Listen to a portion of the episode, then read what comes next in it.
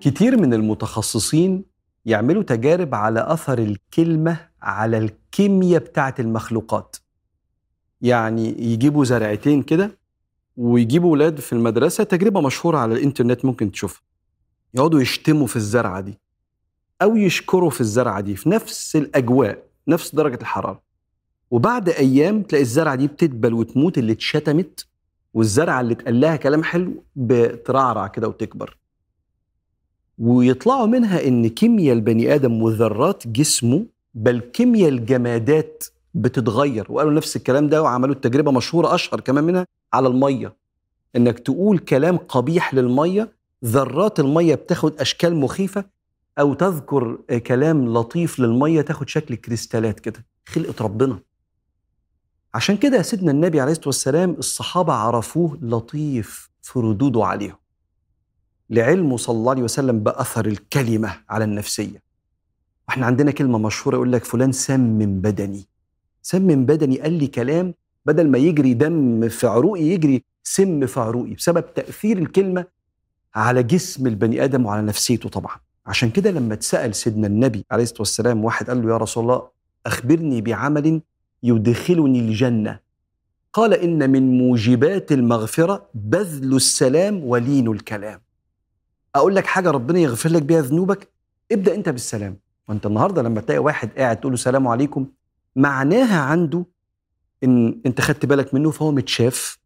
أنت حابب إنك أنت تبدأ وتقرب له فألقيت عليه السلام. معاني أنت ما تتصورش قد إيه ممكن تصلح نفسية إنسان كان لسه عنده سامع خبر وحش ولا حد مبهدله فأنت تفوقه كده.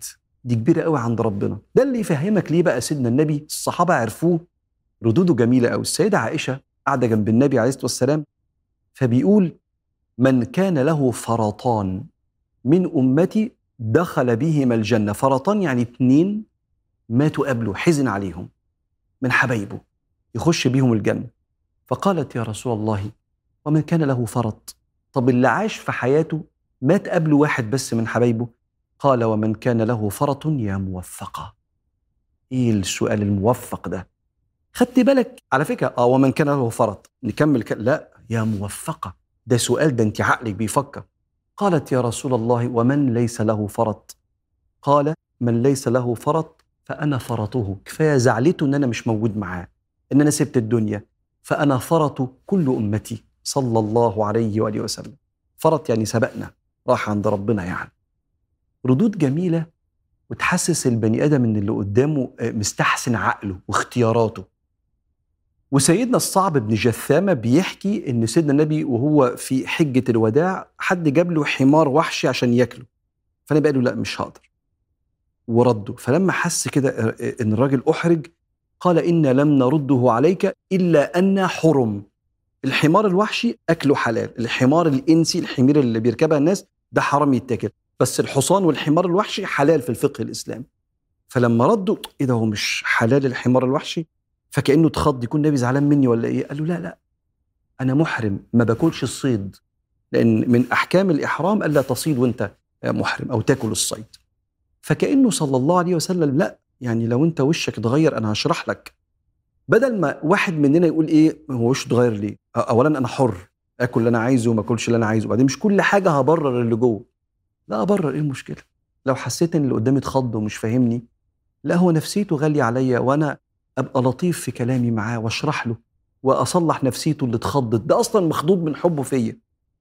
الإمام الطبراني في المعجم الكبير بيحكي لنا قصة بيحكيها الصحابي أبو أمامة ان كان في ست ترافث الرجال. ترافث الرجال يعني بتقول ألفاظ صوت عالي كده وألفاظ سوقية وتخش وسط الرجالة وتزعق.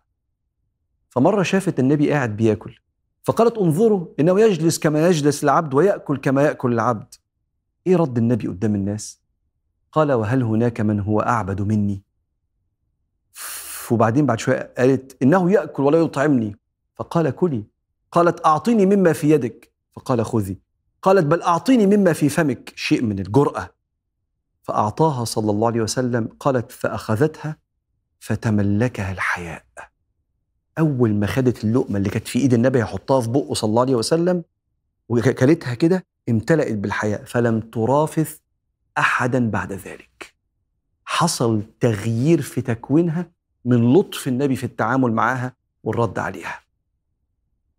هم عرفوا مستوى من الاحتواء ولطف الكلام خلاهم يشوفوا قوة مع رحمة امتزاج ما شافوش قبل كده. فلما عرفوه لطيفا في الرد عليهم أحبوه.